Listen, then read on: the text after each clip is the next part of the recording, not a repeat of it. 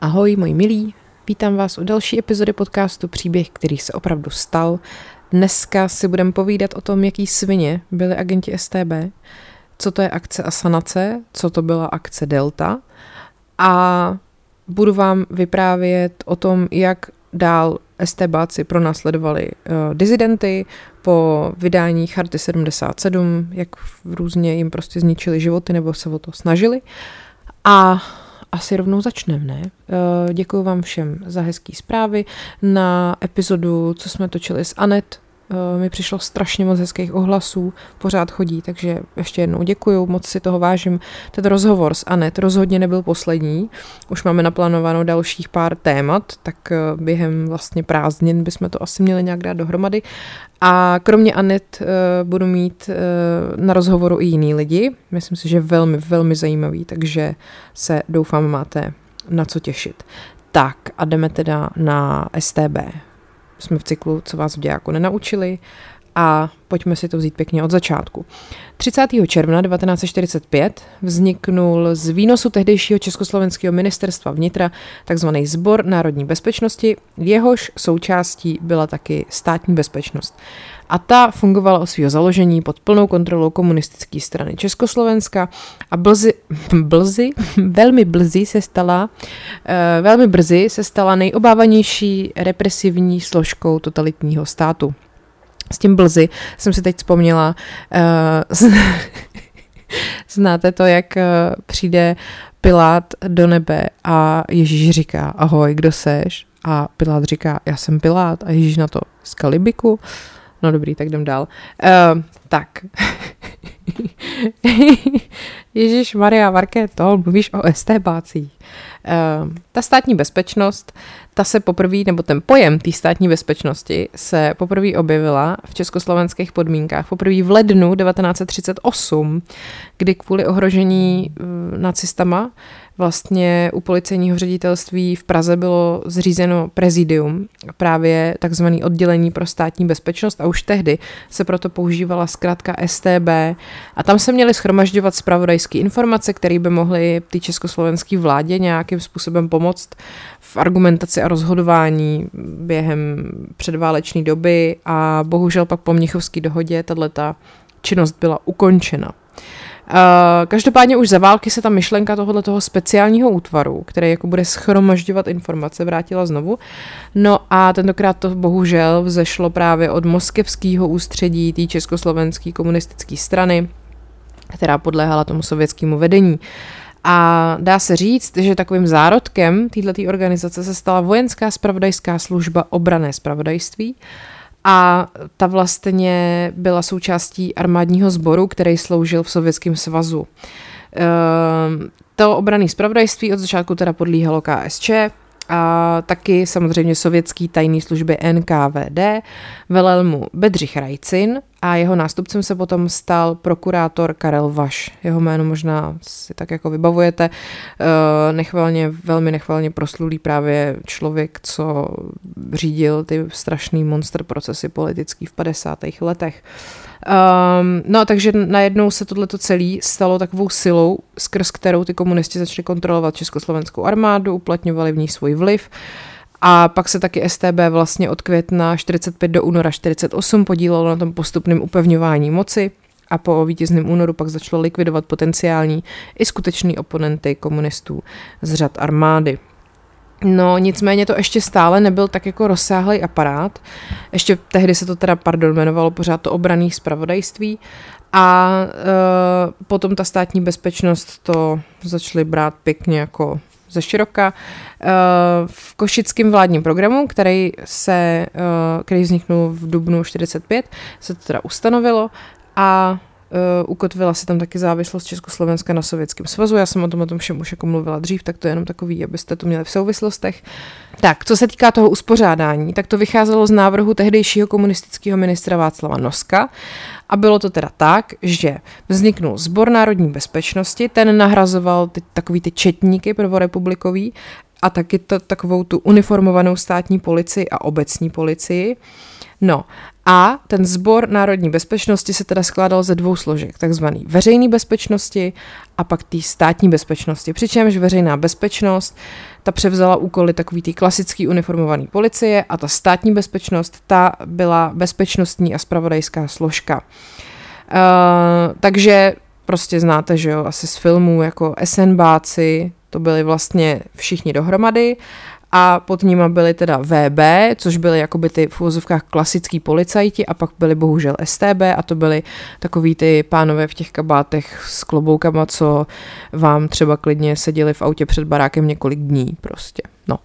Uh, to samozřejmě začalo velice rychle bobtnat po vítězném únoru a uh, to postavení úkoly státní bezpečnosti potom vymezil zákon o národní bezpečnosti a teda úkolem státní bezpečnosti bylo zajišťovat Československou republiku před útoky na její svrchovanost, samostatnost, celistvost a demokratickou republikánskou státní formu, bezpečnost a obranu a zajišťovat osobní bezpečnost ústavních činitelů a bránit hospodářskému vyzvěračství. Jinými slovy, prostě všechny ty vole neustále dokola špehovat, nasazovat na ně, vydírat je, mučit je, zavírat je, kohokoliv, kdo s nima nesouhlasil, i třeba jen zdánlivě. A přesně to tak říkám, mohli vyšetřovat, zatýkat, provádět domovní prohlídky, případně i další opatření, kterým by právě zabraňovali ohrožení státního zřízení. Um, takže vyšetřovali zejména trestnou činnost z doby okupace, včetně válečných zločinů, včetně udavačství, pak samozřejmě uh, trestali lidi za jejich jako původ, uh, za to, že si dovolili během války třeba uh, bojovat za nás v Anglii a podobně. Uh, No a vlastně byli jako důležitou součástí toho represivního aparátu ministerstva vnitra a plnili úkoly, co jim dávala KSČ a to se prostě zesilovalo, zesilovalo, zesilovalo a na místo jako vyšetřování té reálné trestné činnosti právě začaly připravovat ty politické monster procesy, kde měli odhalovat a odsoudit ty nepřátelé lidově demokratického zřízení, kterýma se mohl stát prakticky kdokoliv, dokonce i samotní příslušníci STB. To už jsme taky všechno probrali, že jo, Slánský, Horáková, no prostě celý 50. léta. Takže vytváření atmosféry všude přítomného strachu a teroru, bylo to docela podobné tomu období Heidrichiády, o kterém jsme mluvili s Anet minule. Uh, ty zatčený lidi čelili šíleným jako praktikám surovým, samozřejmě bylo zásadní je donutit k nějakému vykonstruovanému přiznání. Uh, do arzenálu těch mučících technik spadaly metody, jako je odpírání spánku, surový bytí do všech částí těla, zavírání do různých temných místností, mučení elektrickým proudem a jiný. Uh, připojovalo se taky psychické vydírání, to znamená hrozby postihem rodiny a příbuzných, jo, nasazování uh, různých jako volavek, který měli za úkol navázat s tím objektem zájmu nějaký intimní vztah třeba a získávat informace. No a e, tu moc a pozici státní bezpečnosti pak zdůraznilo ještě zřízení samostatného ministerstva národní bezpečnosti. To existovalo od roku 50 do roku 53 podle sovětského vzoru, jak jinak. A tohleto e, ministerstvo vlastně docela omezilo moc toho ministra vnitra Noska. A taky se hrál významnou roli právě v tom procesu s tím Rudolfem Slánským, a bylo vlastně za cíl jako upevnit ten, tu moc té Moskvy u nás, kdy jako tak nějak, když to tak řeknu.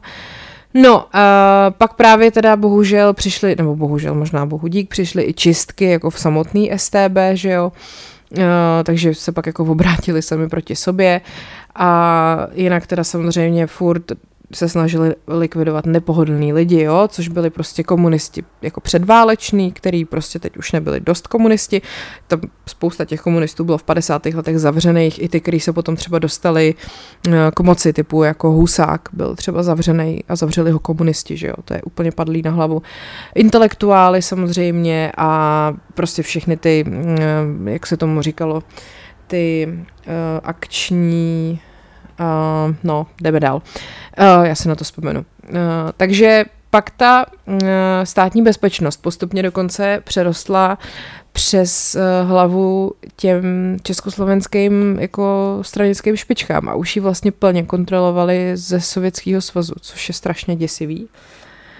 Um, v roce 53 potom ministerstvo národní bezpečnosti zaniklo a zase se sloučilo s ministerstvem vnitra, ale to postavení STB se nějak výrazně nezměnilo, takže fungovaly fakt jako um, jako taková páka v boji té komunistické strany, uh, která bojovala jako s vnější i vnitřní opozicí, bránili projevům toho nesouhlasu s režimem, šikanovali všechny, co projevili nějaký názory a taky každýho, kdo se odchýlil od té oficiální linie a za normalizace potom samozřejmě a po roce 68 ostře pronásledovala dizidenty a strpčovala jim i jejich rodinám život.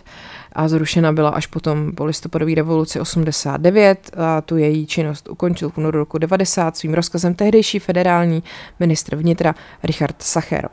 Takže dejme tomu, že taková jako stručná historie, ještě by se mělo jako samozřejmě dodat, že slovensky to byla štátna bezpečnost, bezpečnost, bez, bezpečnost a mm, ta teda, když potom dojdu jako k těm strukturám, nebo jako jak to tam vlastně fungovalo. Ještě si řekněme samozřejmě, že hlavním sídlem STB byla budova v Pražský Bartolomějský, slangově se tomu říkalo taky kachlíkárna, dneska tam sídlí policie České republiky a bylo to nechvalně proslulý jako nejbrutálnější vyšetřovna, uh, nebo takhle, ne jinak, jako nejbrutálnější vyšetřovna proslul takzvaný hradčanský domeček, tak Bartolomějská byla míň hrozná.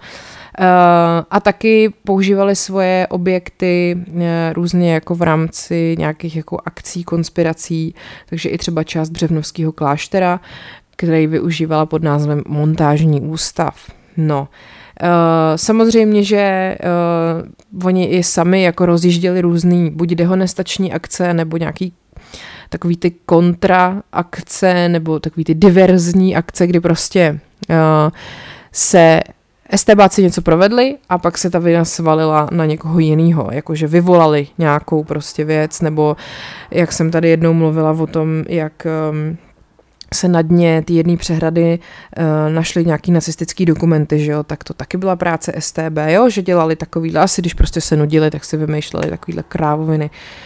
No a uh, tak samozřejmě ještě když teda schrnu, kdo asi nejznámější v uvozovkách jako podlehnul tady tomu nátlaku, tak to byl třeba právě kněz Josef Toufar, že jo, o tom jsem taky mluvila, pak ještě bychom si měli připomenout filozofa Patočku, který vlastně podepsal chartu 77 a pak ho v podstatě jako umučili.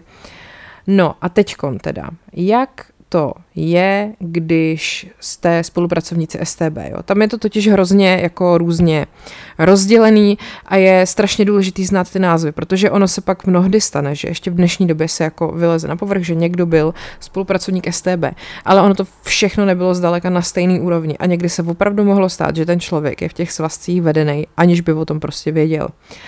Uh, ještě taky uh, průkazka člena STB prostě byla jako, no, Nechtěli byste jí, ale prostě pro některý lidi to teda um, bylo jako vstupenka v podstatě kamkoliv. Um, každopádně uh, podle řady autorů, odborníků i vyšetřovatelů zločinů STB byli vyšetřovatelé STB v drtivé většině lidí bez zkušeností a schopností, který jako neuznávali nebo neznali nebo nechtěli uznávat zákony a jedinou autoritou pro ně byla strana a její přání. A eh, ty právě nedostatky důkazů, že jo, i nedostatky v, jako vlastních schopností uh, nahrazovaly právě těma krutejma metodama výslechů. Některý ty autoři srovnávají s gestapem, Jenomže uh, některý pak podotýkají, že gestapu šlo víc o ty skutečný vyníky. Toho jsem se taky dotýkala už někde minule a předminule, že jakkoliv byli na cestě zrůdný a gestapo bylo zrůdný, tak um, tam přece jenom, když se to porovná s tím komunismem, jestli to vůbec jde, tak tam mi přijde, že vždycky o něco víc, jako se opravdu soustředili na to, aby našli někoho, kdo je proti ním, kdežto ty STBáci v podstatě si to všechno často totálně vymýšleli, jenom aby se zbavili někoho, jako kdo jim jako nevonil. Jo? Samozřejmě, že obojí je strašný, ale dá se to možná i takhle jako porovnat. No, uh, tak, bývalí příslušníci STB navíc uh, často pak sloužili u policie i po roce 1990 a prostě často do dneška pobírají nějaký důchody a jsou vlastně úplně v pohodě, že jo. Protože uh, ty svazky, spousta z nich se ztratilo, jako nic se třeba těm lidem neprokázalo a tak dále a tak dále. Po listopadu 89 se teda objevily první a neúplný seznamy těch příslušníků, takzvaný cibulkovy seznamy. A samozřejmě, že uh, reakce některých těch lidí, kteří tam byli uvedený, byli jako strašně odmítaví a spousta z nich tvrdí, že se do těch cibulkových seznamů dostali neprávem a uh, ty v těch seznamech byl třeba uvedený režisér Ivan Vyskočil, který v roce 77 odmítnul podepsat antichartu a pak se dokonce úspěšně i bránil soudní cestou proti tomu uvedení v seznamech jako spolupracovník. No a potom v roce 2003 ministerstvo vnitra uh, zveřejnilo další, taky neúplný seznamy a tam taky byla potom spousta z nich předmětem soudních sporů, protože ty lidi chtěli vymazat ty záznamy, když se cítí, nebo když se cítili, že tam jsou zanesený jako neoprávněně. A hlavní problém právě je, že se vlastně zakládají pouze na archivních svazcích. Takže tam vlastně obsahuje jenom jména těch příslušníků a spolupracovníků, kteří ukončili tu spolupráci před rokem 89 a e, vlastně díky tomu ty jejich svazky byly uložený v archivu a nemohly být zavčas jako zničený. Jo. Takže prostě to nikdy nebude úplný, nikdy se to prostě nedozvíme, kdo tam všechno byl a v jakých pozicích. A je to takový hodně jako vošemetný, no. protože teď se k tomu za chvilku dostanu, jak tam jsou odstupňovaný ty jednotlivé e, spolupráce. Tak a teď teda jdeme na tu strukturu. Když se jako podíváme vyloženě na to, jak to fungovalo tam, tak je hlavní zpráva rozvědky, hlavní zpráva kontrarozvědky pro boj proti vnějšímu nepříteli, Uh, hlavní zpráva vojenské kontrarozvědky, zpráva sledování, zpráva ochrany stranických a ústavních člen, činitelů, zpráva spravodajské techniky, bla, bla, bla. no prostě je toho spousta. A teď teda ten, uh, ta terminologie. Kategorie důvěrník, kandidát tajné spolupráce a kandidát agenta nebo kandidát informátora nejsou uh, na základě nálezu ústavního soudu kategoriemi, který by jako znamenaly, že ten člověk s tou uh, eh, STB pracoval, spolupracoval vědomně. Jo? Oni byli označený zkratkama, důvěrník byl D, kandidát tajné spolupráce KTS, kandidát agenta KA, kandidát informátora KI. Eh, to mimochodem teď nedávno se řešilo, když se minister, s ministrem zdravotnictví stál ten Petr Arenberger, tak někdo vyhrabal, že je právě v seznamech STB jako KTS, což je kandidát tajné spolupráce, ale to opravdu často byli lidi, který, eh, já nevím, třeba si ty STBáci jednou pozvali a oni jim jako tu spolupráci odmítli, ale už tam byli vedený jako KTS prostě, no, což je taky šílený potom pro jako současný život toho člověka, že jo. Každopádně, tajný spolupracovník, zkrátka TS.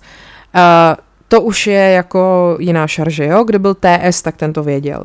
To bylo teda označení pro československý i cizí státní příslušníky, který byli získaný k vědomí spolupráci a měli za to hmotné výhody, například poukázky, jakože bony nebo nějaký peníze, mm, západní alkohol mohli za to prostě nějakým způsobem dostávat, měli lepší pracovní zařazení, nebo třeba přístup jako k zahraničním cestám, pak samozřejmě to taky třeba dělali kvůli psychickému nátlaku, třeba, že prostě na ně, ty STBáci na ně samotný měli nějaký kompromitující materiály, uh, vydírali je a podobně a využívali ty tajní spolupracovníky u všech svých útvarů. A uh, potom u rozvědky ještě existovaly kategorie ten tajný spolupracovník a ten tajný spolupracovník mohl být agent, nebo byl důvěrný styk, anebo ideospolupracovník. A ta spolupráce potom končila nejčastěji ze zdravotních důvodů, nebo tím, že ten člověk umřel, nebo emigroval, nebo ho sesadili, nebo takhle. Tak, uh, informátor byl uh, spolupracovník STB jako menšího významu, ten dostával, nebo pardon, dodával informace nepravidelně a spolupráce uh, byla často nevědomá. Jakože ten člověk si nebyl vědomý toho, že ty informace předává pracovníkovi STB tak uh, to byl jenom člověk, který třeba ujednal nějaký jako kontakt, jo? Že, že pak ho oni tam zpětně označili jako informátora, ale mohl to taky dělat záměrně. Jedno z různých pohnutek, a e, byl u STB veden většinou pod speciálním krycím jménem. Byl taky označovaný jako zdroj nebo pramen. A informátoři byli často aktivní v vojenském prostředí a v různých komunistických soustavách, jako SSM, Svazarm a podobně. Neměl žádný úkoly, žádný vedení a nikdy se jako oficiálně nezavázal ke spolupráci. Jo, to byly prostě jenom takový ty, co občas jako přišli, hele, možná, že tamhle člověče, jo, Karel, ty vole, si koupil možná nějaký nový džiny Tuzexu, kde na to vzal, hele? No, ideový spolupracovník, uh, to byla taková nejnižší kategorie tajných spolupracovníků. To je takový smutný, ne? Že jako jste uh, spolupracovník STB a ještě jste nejnižší šarže. To už jste opravdu úplný podčlověk. Jako. Uh, ty působili třeba v zahraničí, kde mohli jako normálně kam mohli cestovat a právě tím, že získali tady tu funkci, tak se to jako stalo. No a podávali třeba zprávy o aktivitách svých kolegů v zahraničí nebo prostě informace ze svých zahraničních pracovišť, ústavů nebo škol.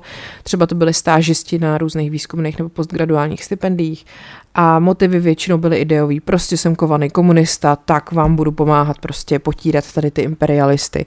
No, takže strašný. Kandidát agenta, zkrátka KA a kandidát tajné spolupráce, jak jsem říkala, to byly právě lidi, který ta STB chtěla získat jako tajný spolupracovníky, ale oni spolupracovníci nebyli a ke spolupráci se nijak nezavázali. Důležitý. Bohužel, ale na toho kandidáta tajné spolupráce už vedli osobní spis, který zahrnoval krycí jméno, registrační číslo a tak. A ve spisu taky uvedli, jestli je vhodný na nějakou určitou funkci, případně pro jaký obor, měli tam nějakou dokumentaci prověrek a ten člověk většinou o té své evidenci jako KTS prostě uh, nevěděl, jo. Oni třeba dokud se mu nepředstavili ty STBáci, tak on ani nemusel tušit, že s nima jedná, jako. A k 30. červnu 89 takhle evidovali 3816 spisů KTS a uh, vlastně ještě v roce 89 jich 411 získali takhle. Uh, pak teda koncem roku 89 většina těch svazků KTS byla zničena, uh, tak vlastně jako paradoxně jsou to teda lidi, kteří opravdu k té spolupráci jako se nikdy nezavázali, ale samozřejmě uh, i u tady toho pravidla existují nějaké odchylky. Uh, takže i tam mezi těma KTS se teoreticky mohl najít někdo, kdo o tom věděl a jako dělal to na schvál. Pak tady máme důvěrný styk, zkrátka DS, to je spolupracovník nižší kategorie než agent. Uh, ta spolupráce nebyla utajována, byl to zpravidla cizí státní příslušník a byl ochoten předávat citlivé informace, ale nezavazoval se přímo ke spolupráci. Jo? Byla to taková jakože špionáž. Většinou to byli diplomati nebo obchodníci. Nemuseli být utajovaný, protože měli právě legální styky s Československou socialistickou republikou právě v roli třeba diplomata.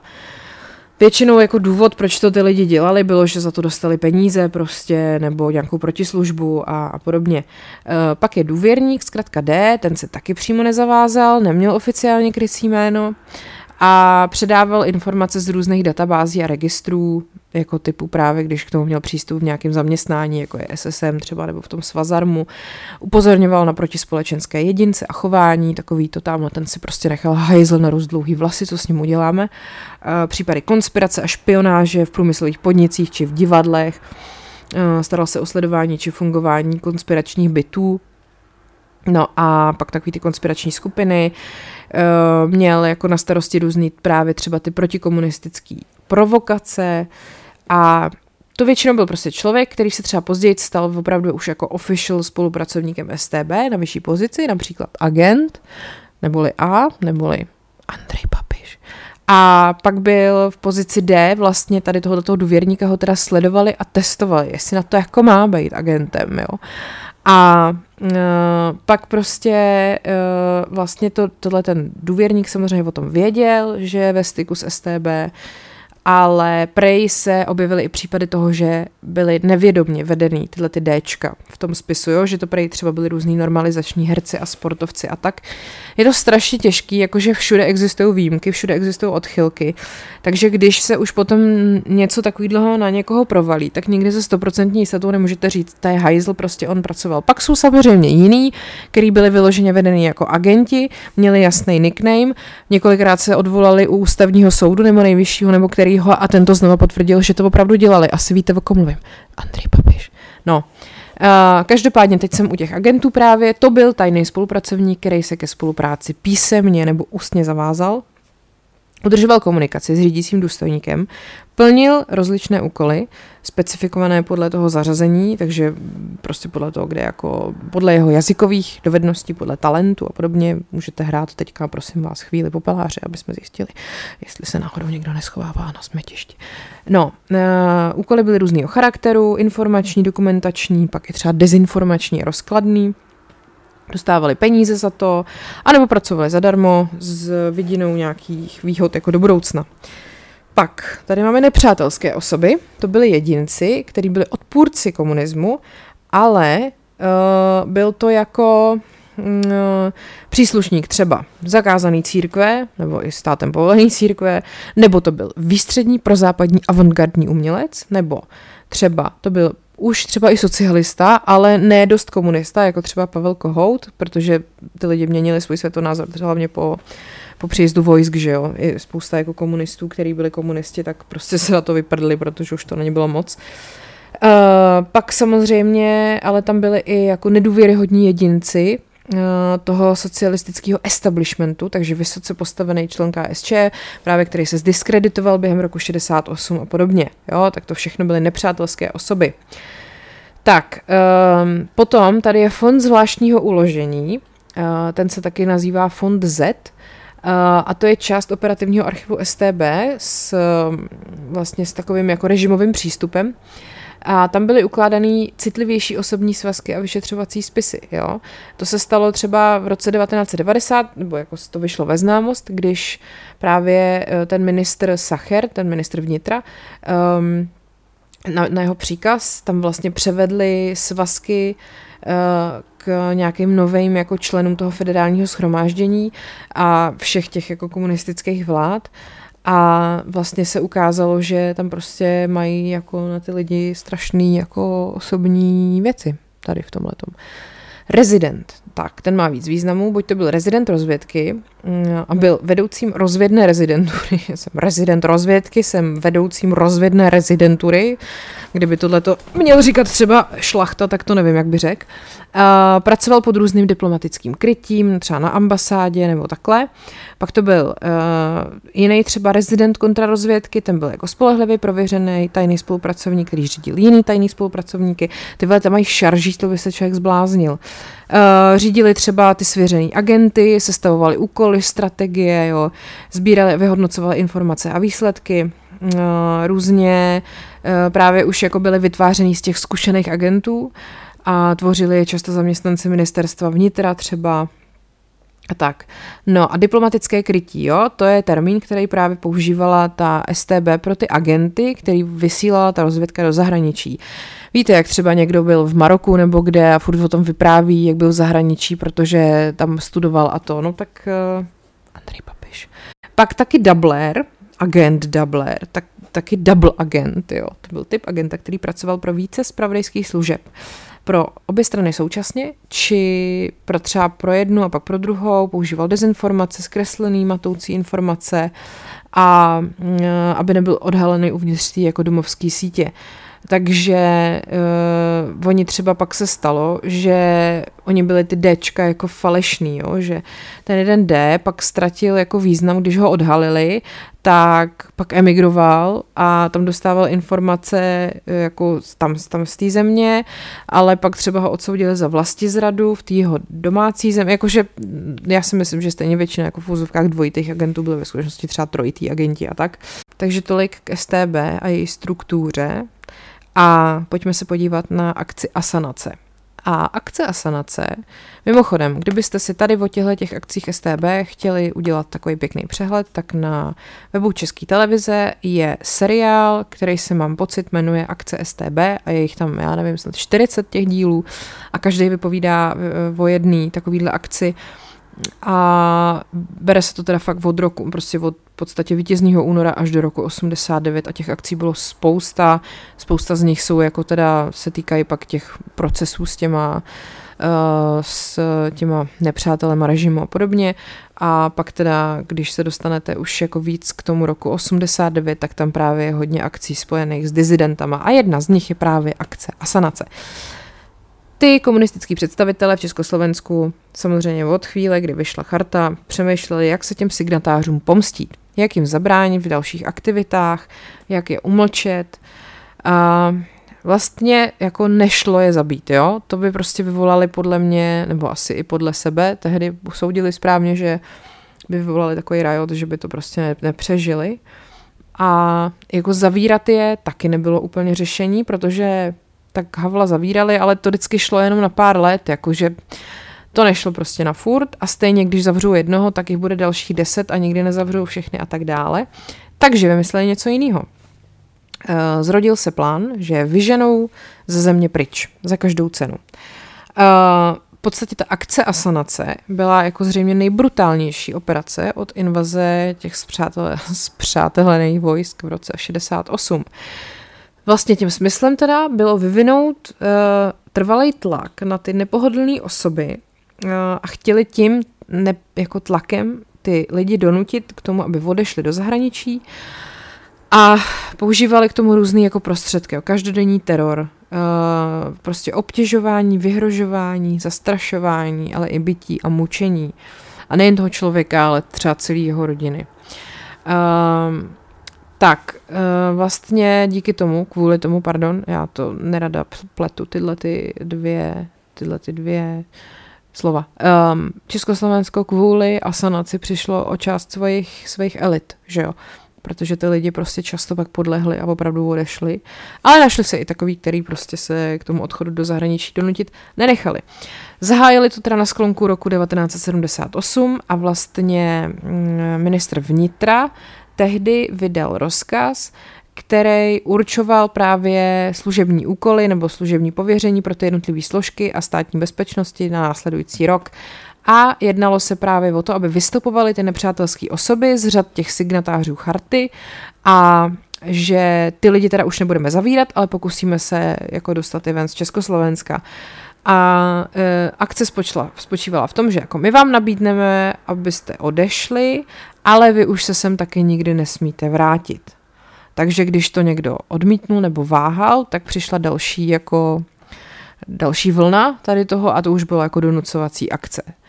A uh, oni byli jako zvlášť vynalézaví a vlastně na každýho si zpracovali speciální psychologický profil a podle toho pak postupovali, jo. Zabavovali jim řidičáky, vyhazovali je z práce, furt je obtěžovali výslechama, posílali jim anonymní dopisy, fyzicky je napadali neznámí útočníci. Jako dovedete si to představit, co ty lidi jako prožívali prostě denodenně? denně? Eh, když se tady potom teda dostanu už k někomu konkrétnímu, tak třeba katolický kněz Václav Malý, jeden právě ze signatářů Charty 77 a její pozdější mluvčí k tomu říká, já jsem si tuhle možnost nepřipustil, protože vždycky jsem si říkal, uh, o, če, o čem bych tam těm lidem svědčil. Neznám natolik ten jazyk a neznám mentalitu a je třeba uh, a nemyslím si, že, jsem, že, bych, že bych zachránil situaci, že jsem nějaký mesiáš a došlo mi, že ten odpor je třeba pěstovat tady a jasně říct ne tomu systému tady. On byl teda vysvěcený na katolického kněze v roce 1976, právě o rok později podepsal chartu, pak se stal zakládajícím členem takzvaného výboru na ochranu nespravedlivě stíhaných, o tom jsem taky mluvila minule, tam to založil, spolu založil i Havel a právě kvůli tomu se samozřejmě dostal do hledáčku státní bezpečnosti. No, tak samozřejmě uh, mu odposlouchávali telefon, taky mu nemohl nikdo posílat poštu, protože to všechno kontrolovali. Um, Oni vždycky uh, se snažili tam i jako různě si předávat materiály sami z datu a to v té době vůbec nebylo možné, protože prostě na každém kroku ho sledovali, že jo. A uh, tam vlastně ten nátlak na dodržování lidských práv v Československu Uh, byl jako docela silný, protože to právě bylo na to konto, vznikla, že jo, Charta 77 a uh, nějakým způsobem se tady snažili to jako uplatnit, ale samozřejmě, že ten represivní aparát toho komunistického Československa to nechtěl, ale zároveň vlastně musel volit trošku jiný nástroje, nemohl ty lidi prostě zabíjet a nemohl uh, dělat vykonstruovaný monster procesy, takže i to byl vlastně důvod, proč oni ty lidi chtěli vyhnat z republiky a ne je prostě zavřít nebo zabít, že jo. Um, no a ten malý samozřejmě uh, říká, že ho furt jako uráželi, nadávali mu, vyhrožovali mu, že by taky mohl skončit třeba pádem z Nusilského mostu, nebo že ho třeba přejede auto. Při každém výslechu mu samozřejmě dávali nabídku, aby vycestoval uh, do ciziny, že ministr vnitra je na to připravený, že mu to povolí. Furt to jako zmiňovali dokola, těch nabídek bylo několik desítek při každém výslechu.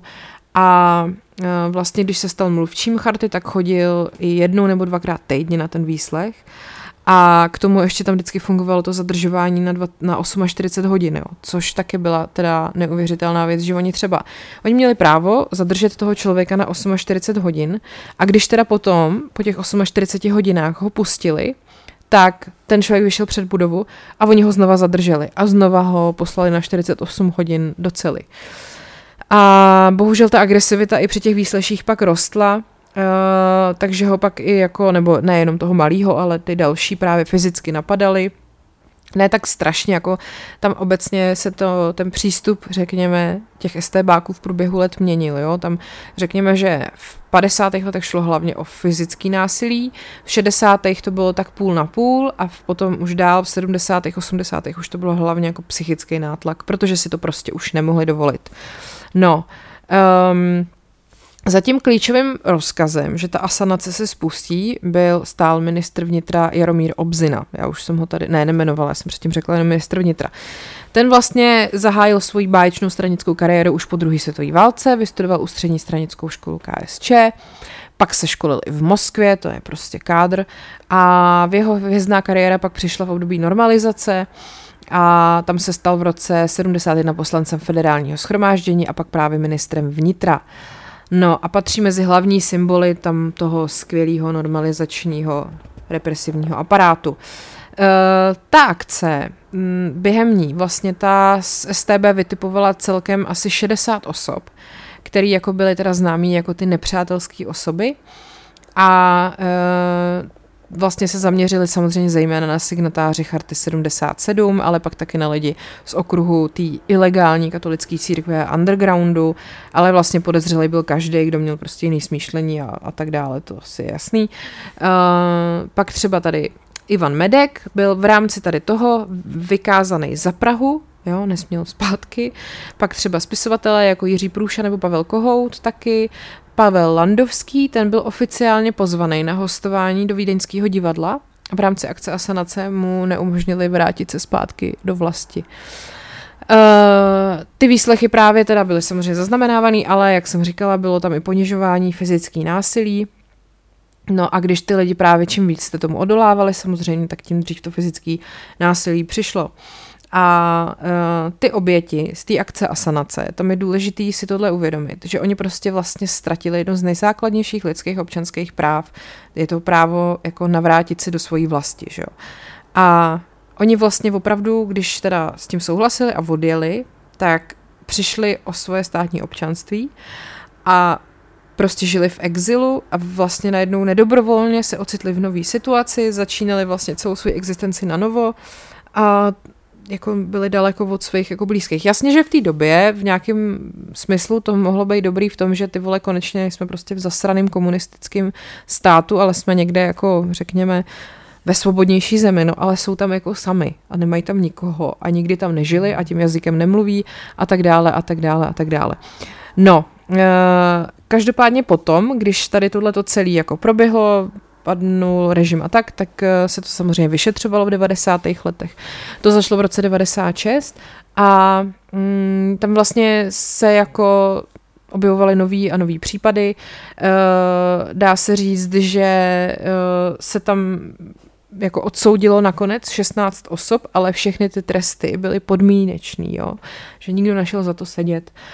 A uh, oni samozřejmě, že Někteří se za to jako i omluvili, ale kdo jim to věří, že jo? Jako zničili těm lidem často život, prostě oni odjeli, já nevím, v roce 81 třeba z republiky a prostě 8 let tady nemohli být, jako no to je strašný. Uh, bohužel třeba ten tehdejší ministr vnitra Obzina, uh, který tady celý ten rozkaz k, tomu spuštění té asanace podepsal, tak nikdy potrestaný nebyl, protože umřel v roce 2003, než soud stačil vynést závěrečný rozsudek. Uh, každopádně, když se podíváme na ty konkrétní jména, tak třeba se právě uh, Policie dostala i novější trestní oznámení, to bylo někdy v roce 2017. Eh, badatel a bývalý dizident František Čuňas Stárek si v oznámení právě stěžoval na násilný vystěhování undergroundové komunity Nová Výska. Eh, padlo teda potom několik rozsudků a nepodmíněný trest třeba v délce 3,5 roku eh, dostal bývalý příslušník STB Zbyněk Dudek, ale to říkám, se stalo až jako pff, ne v devadesátkách, až po roce 2000, pak taky uh, jeho kolega Jiří Šimák a uh, když teda se podíváme na ty konkrétní, tak to byly třeba Jaroslav Hudka, Milan Hlavsa, Vlastimil Třešňák, Svatopluk Karásek, ten Václav Malý, jak jsem zmiňovala, Karol Sidon, to byl Rabín, že jo, ještě Hudka jako hudebník, Hlavsa hudebník, Třešňák, hudebník, Karásek duchovní, spisovatelka Petruška Šustrová nebo právě herec Pavel Landovský. No a uh, taky v roce 2002 tříletý podmínky, jenom podmínky, dostali Vladimír Stárek a Zdeněk Wiederlechner a pak taky Zdeněk Němec. A ten Wiederlechner dokonce ten trest přijal, jakože jo, mám to jakože chápu, mám špatný svědomí, beru to. Ten Stárek s tím Němcem se proti tomu neúspěšně odvolali. Uh, pak tady jsou ještě Milan Kopinec, Vladimír Novotný, Karel Vykypěl a uh, ty vlastně soudili kvůli tomu, že manželé Martin a Ivanka Hiblerovi, což byli chartisti a členy, členi právě výboru na ochranu nespravedlivě stíhaných, vlastně byli donucený spolu s jejich třema dětma uh, k emigraci. Uh, on toho Martina Hiblera tehdy přiváděli k opakovaným výslechům, ponižovali ho, vyhrožovali mu vězením nebo nehodou. A tu jeho ženu uh, zase sledovala STB a znemožnila jí pracovat na pozici, pro kterou měla jako vysokoškolačka kvalifikaci, takže oni opravdu po tom letom strašným pronásledování v roce 82 souhlasili z vycestování. No a třeba tady ten jeden parchant, tenhle ten kopinec, k tomu řekl. Obžaloba je tendenční a bez důkazů. Je postavena na principu kolektivní viny. Jsou nám připisovány zločiny jiných. Nikdy jsem nikomu nevyhrožoval, takový postoj mi není vlastní. Jasně, ty estébáku zasranej. Spolu s Novotným schodně vypověděl, že manžela na služebnu nepřiváděli, jejich ponižování nezažili a nebyli ani u domovních prohlídek. Na případ si ale podle svých výpovědí s odstupem téměř 40 let příliš nepamatují. Jasně. No, jejich výpovědi státní zástupce spochybnil, upozornil na to, že oba muži pracovali na oddělení státní bezpečnosti, která se právě zaměřovala na boj proti vnitřnímu nepříteli. Uh, takže potom skonstatoval soud, že spolu s bývalým ministrem vnitra Františkem Kinslem a posledním náčelníkem STB Aloisem Lorencem organizovali v letech 88 a 89 izolaci velkého počtu osob. Uh, a ten vykypěl, pak dostal tři a půl roku vězení. Tak a teď se teda uh, jdeme podívat na takzvanou akci Delta nebo taky akci Kamion. Ta souvisela se samizdatem a já už jsem sice o samizdatu jednou mluvila v nějakém podcastu, ale pojďme si to pro jistotu zopakovat. Takže v tom předlistopadovém Československu neměli lidi moc možností, jak získat nějaký necenzurovaný informace. Mohli poslouchat nějaký zahraniční rozhlasové stanice, mohli si to někde říct, mohli uh, číst knížky a časopisy, které byly propašované ze zahraničí, anebo právě mohli číst samizdat. Eh, ruský původ toho slova je vlastně zkratka od samoizdatilstvo, neboli samovydávání. A jako první se mu právě věnovali ruský dizidenti už od 50. let a první samizdatový román byl třeba doktor, ne třeba, byl prostě doktor Živago, ne prostě, byl doktor Živago od Pasternaka. Markéto, mluv krásně česky. Tak. Uh, Um, to slovo samizdat teda už v roce 49 použil sovětský avantgardní básník Nikolaj Glaskov, eh, který mu právě v Sovětském svazu už asi 20 let nevydali ani jednu báseň. A taky se psal na psacím stroji a pod název té sbírky a celý své jméno uvedl jako nakladatelství Sam se bjazdat v analogii eh, na názvy sovětských eh, státních nakladatelství, který vlastně zkracovali slovo izdatělstvo, pak to vlastně zkrátili na izdat a to bylo třeba děti zdat nebo gosy zdat. Uh, takže ta zkrácenina právě, ten, ten samizdat se potom rozšířila i do celého světa a označovala přepisování a rozšiřování knih, které neprošly cenzurou. Že jo? Uh, tak, někdy okolo roku 71 nebo 72 jsem si uvědomil, že u nás něco hrozně chybí, že tu nejsou samizdaty. Vzpomínal Ivan Havel, mladší bratr prezidenta Václava Havla, bohužel taky nedávno zesnulej.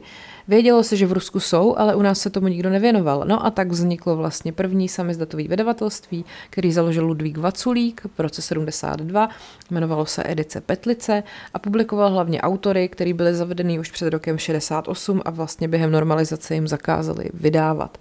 A o tři roky později potom filozofka a historička Daně Horáková spolu s Václavem Havlem se rozhodli, že založí vlastní edici a ten název, uh, inspiro, ten název vlastně té edice inspirovala poznámka Pavla Juráčka, režiséra, což byl Danin přítel. Mimochodem ona napsala krásnou knížku, která se jmenuje O Pavlovi. Byste třeba, no. Uh, sotva, že jsme s Vaškem, jsem s Vaškem začala plánovat, jak se ten náš samizdat, jak ten náš samizdat rozjedeme a že si od něj slibujeme málem misionářskou obrodu, osvícení celého národa, Pavel Suše poznamenal, že se to poslouchá jako tažení proti temnu. A pro mě vášnivou čtenářku a obdivovatelku Jiráska to bylo jako když škrtne zápalkou. Vzpomíná Daňa Horáková, Eh, v knize právě Gabriely Romanové Příběh edice Expedice. Juráčku poukaz na temno jí totiž připomněl obrozeneckého nakladatele Krameria a jeho vydavatelství Česká expedice. To si asi všichni pamatujeme ještě ze školy, ne? To jsme se učili zrovna. Co vás v dějáku naučili? Tohleto. Eh, no a tak se zrodila edice Expedice a jejím původním záměrem bylo vydávat knížky z té edice Petlice, akorát ve víc kusech. Ale nakonec začali publikovat i své vlastní tituly, třeba od Zdeňka Neubauera, což byl filozof, nebo Radima Palouše, eh, nebo různých třeba mladších autorů, undergroundových básníků, nebo i překladovou literaturu. Eh, řada lidí v době normalizace přestala psát, protože to nemohli nikde vydat a najednou znovu pocítili touhu psát, protože nepsali do šuplíku.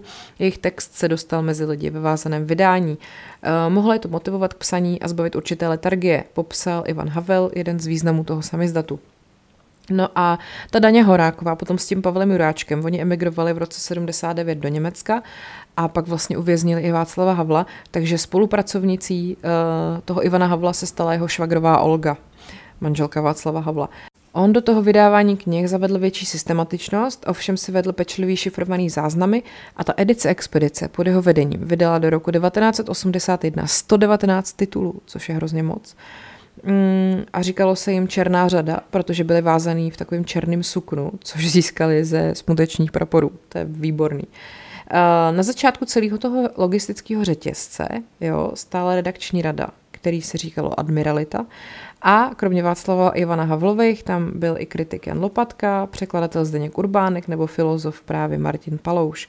Mm, ty texty, co ta redakční rada vybrala, tak putovali k písařkám. Ty texty opisovaly na psacích strojích v 10 až 16 kopiích, což umožnili takzvaný kopíráky nebo průklepáky, což byly takový ty papíry, že se to tam mezi ty papíry dá a ono to vlastně jakoby v vozovkách skopíruje ten text na dvakrát jako na další papír.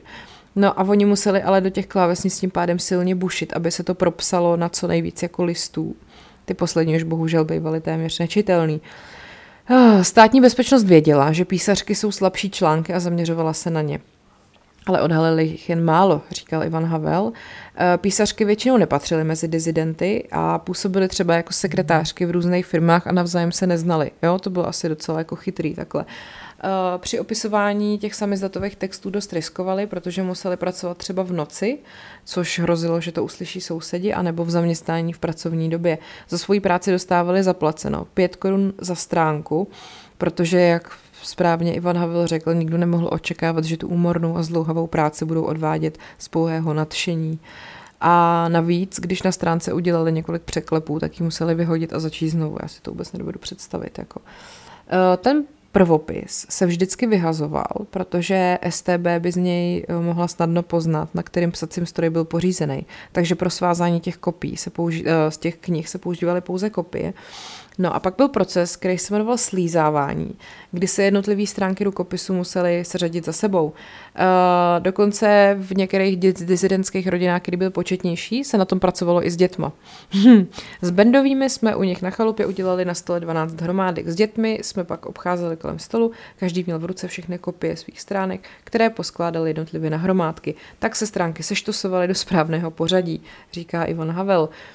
Do všech kopií se musely zanést korektury, toho se ujímala třeba Olga Havlová, pak kniha putovala ke knihovazači Františku Cinkovi u něhož se potom vyučila i žena Ivana Havla, která se taky jmenovala, ne, která se jmenovala Dagmar, tak. Uh, odběratelé hotových knih za ně platili 100 až 200 korun, což bylo na tu dobu fakt hodně, protože knížky ve knihkupectvích stály prostě zlomek, jako 10-20 korun třeba. No a přitom ale ty peníze ve finále jako stačily sotva na pokrytí těch výrobních nákladů, že jo? Ty autoři a redaktoři pracovali zadarmo, uh, ty autorský práva to prostě nikdo neřešil a honorář dostával jenom ty písařky a knihvazač.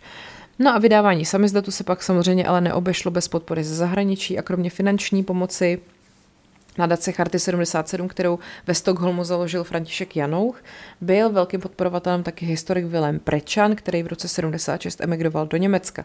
Ten schromažďoval samizdatovou literaturu uh, a podílel se pak na jejím dalším rozmnožování a šíření. Uh, a jak se teda ty texty ale dostaly z toho Československa na ten západ? Ha, sloužila k tomu takzvaná pašerácká stezka, kterou už od roku 69 vyšlapával Jan Kavan, který obýval v Londýně. On několikrát do roka vypravil do Československa karavan, který působil jako prázdninový vozidlo že jo, pro kempování v přírodě. No ale v jeho stěnách, stropu a vnitřních zařízeních byly skrýše, kam se dali poschovávat ty knížky, časopisy a tak dále dokonce i menší kopírky. No a ten kavan vozil do Československa hlavně právě zahraniční tiskoviny a zpět vyvážel samizdaty a v síti dodavatelů byly zapojený i Pavel Tigrit, který vydával v Paříži časopis Svědectví, nebo Jiří Pelikán, který v Římě publikoval listy s polkem L. Uh, Petr Pidhart, to byla kavanova česká spojka, začalo to nečekaně v pasážiky na Jadran, když mi jeden člověk podal ruku a mě v ní zůstal papírek složený na 1,1 x 1 cm, mnoho, mnohokrát přeložený a přelepený izolepou, vyprávěl Petr Pidhart, uh, který potom právě vlastně s tím kavanem takhle vybudoval takový funkční obousměrný kanál pro ty knihy rukopisy a texty a vzkazy. Uh, to převážení fungovalo několik let ale toho Petra Pidharta to postupně psychicky vyčerpávalo, takže když potom podepsal chartu 77, tak s tím skončil, protože tím na sebe jako hodně upozornil a už prostě to nebylo bezpečný, že jo. Takže už prostě se na to vykašlal a jeho úlohu potom převzala socioložka Jiřina Šiklová, taky bohužel nedávno zesnula, která chartu 77 nepodepsala právě proto, aby na sebe nepřitáhla pozornost eh, STB a neohrozila tu distribuci. A, a sama potom mi o tom říkala, že si myslí, že to mělo velký význam, že tohle to, to takhle vymyslela. Jako. Jan Kavan se obracel na novináře, když to Vilém Prečan dostával přeze mě texty ven, ty, co se pak v cizině vydávaly. Například příspěvky pro Pavla Tigrida do Paříže. Představte si, že v té době vám najednou vyjde v Paříži číslo svědectví Pavla Tigrida, který byl naší STB považován za nejhoršího Belzebuba a vyjde mu ve svědectví celé pražské číslo, které je připraveno z textů jen a jen českých a slovenských autorů. To, že to musela být pro ty STBáky strašná darda.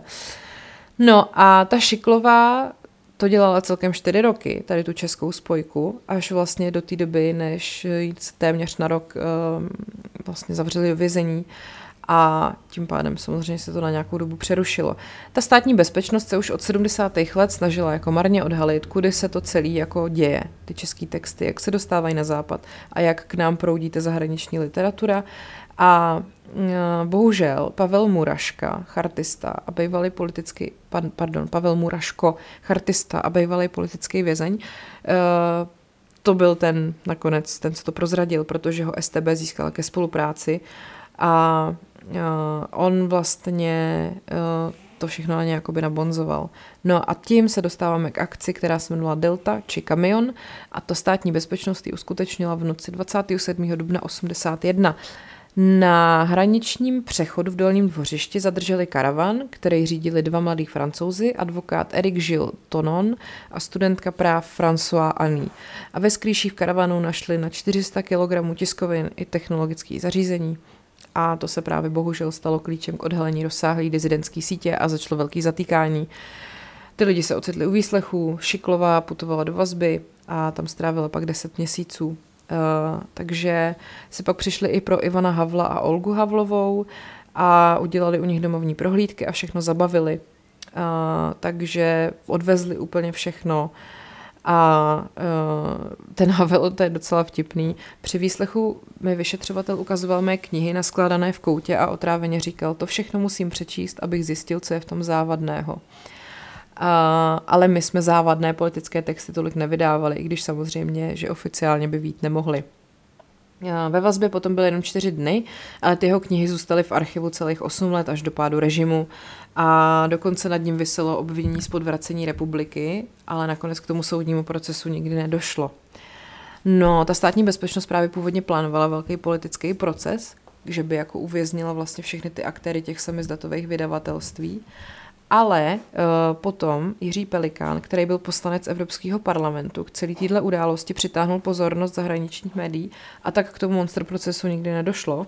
A vlastně jako poslední z těch zadržených se na svobodu právě dostala Jiřina Šiklová v březnu 82.